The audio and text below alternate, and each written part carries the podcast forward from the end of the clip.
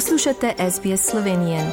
Prisluhnite še drugim zanimivim zgodbam na sbsp.com.au pošiljka Slovenije. Nadaljujemo z današnjo slovensko oddajo na radiju SBS širom Avstralije in po svetu soboto 25. februarja. Danes smo povabili predsednika slovenskega društva Melbourne, nam pove malo več o dogodkih eh, v klubu in kaj načrtujejo v tem letu, posebej naslednji konec tedna. Ponovno pa pozdravljamo v naši slovenski vdaji Paul Belts.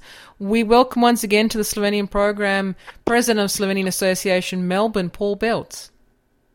Thank you, Tanya, and hello to listeners. As we haven't spoken for, for a little while, tell us a little bit more about how things are going currently at uh, Slovenian Association Melbourne. Very well. We finished off um, last year with a very successful uh, um, where we had probably about two dozen kids on the day. Um, it was a very warm day, so poor Miklavž had to uh, hand out presents for over half an hour. That ended the year very well. Um, we've kicked off this year. We've already had a blues night last Friday night, a comedy night last Saturday night with uh, Dave O'Neill playing as the, the star act, and um, we've got a function this Saturday, and that leads us into the following Sunday uh, with our free members' uh, second generation barbecue.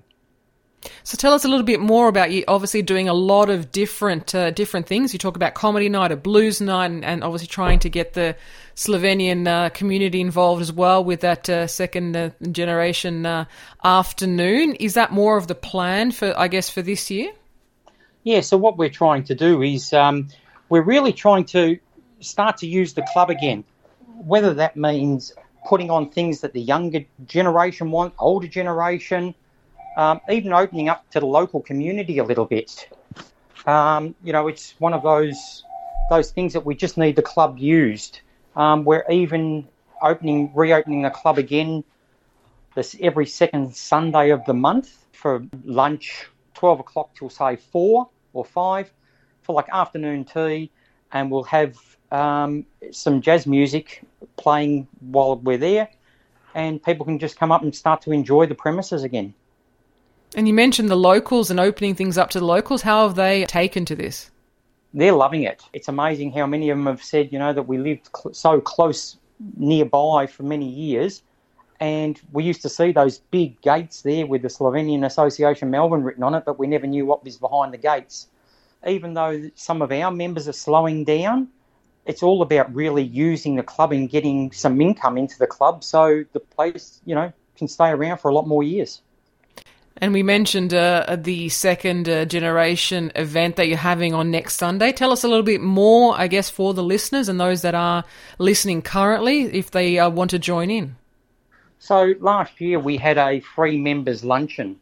It was very well attended, and they came up and drinks at bar prices, just to say, here's a little thank you, give back. And we always said that we were going to do it again. And I've noticed over the years that there's a lot of uh, younger generation, they'll go out and get together, but they go out and get together somewhere else rather than at the club. So we put it out to everyone. Would you be interested in having it at the club? Um, and it's open to everyone. You know, like as in second, third generations, even the first generation, everyone's welcome. Our, our thing was to get the younger ones back up. And, you know, we've had interest from young ones from Planica, from Jadran, um, from Kew Church, from our club.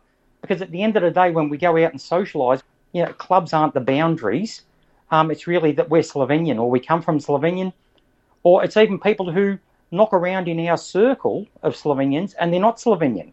So we just said we promised always that we would do a couple of these free luncheons each year. So this is the second one we've done.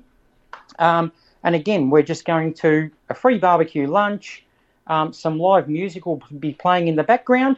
It was just really to get people back, enjoy, touch base with people that they probably haven't seen for a while. Um, and it was just a good excuse to get together. In just uh, out of pure luck, it coincides with a visit um, from the ambassador, uh, some delegates from Slovenia, that uh, they want to come and have a look at the club, and it just so happens that it's all going to happen on the same day. we've had a good, really good response. Um, so we're looking forward to a really good day.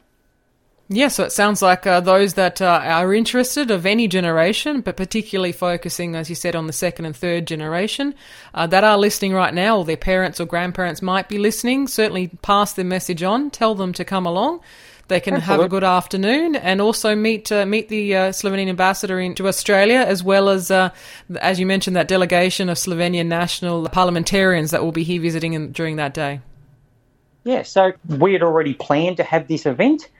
And then they're coming down to Melbourne to go to Kew Church on that morning. And they said, well, if there's something on at the club, we'd love to come and see it. So it's probably good for them to come and see the club or, you know, being used.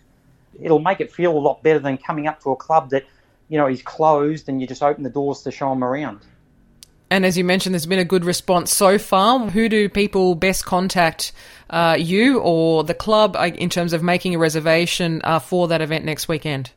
they can contact the club. We have a, a Facebook page um, that has like a, a, booking thing on it. Uh, they can get in contact with myself. We have put it out on like a, a group chat called SDM's Second Generation Get Together. Um, so if, if there's anyone out there who wants to know, we've said, even the people who have contacted us, we've said, if there's anyone we've forgotten to contact, please feel free to get in contact with them.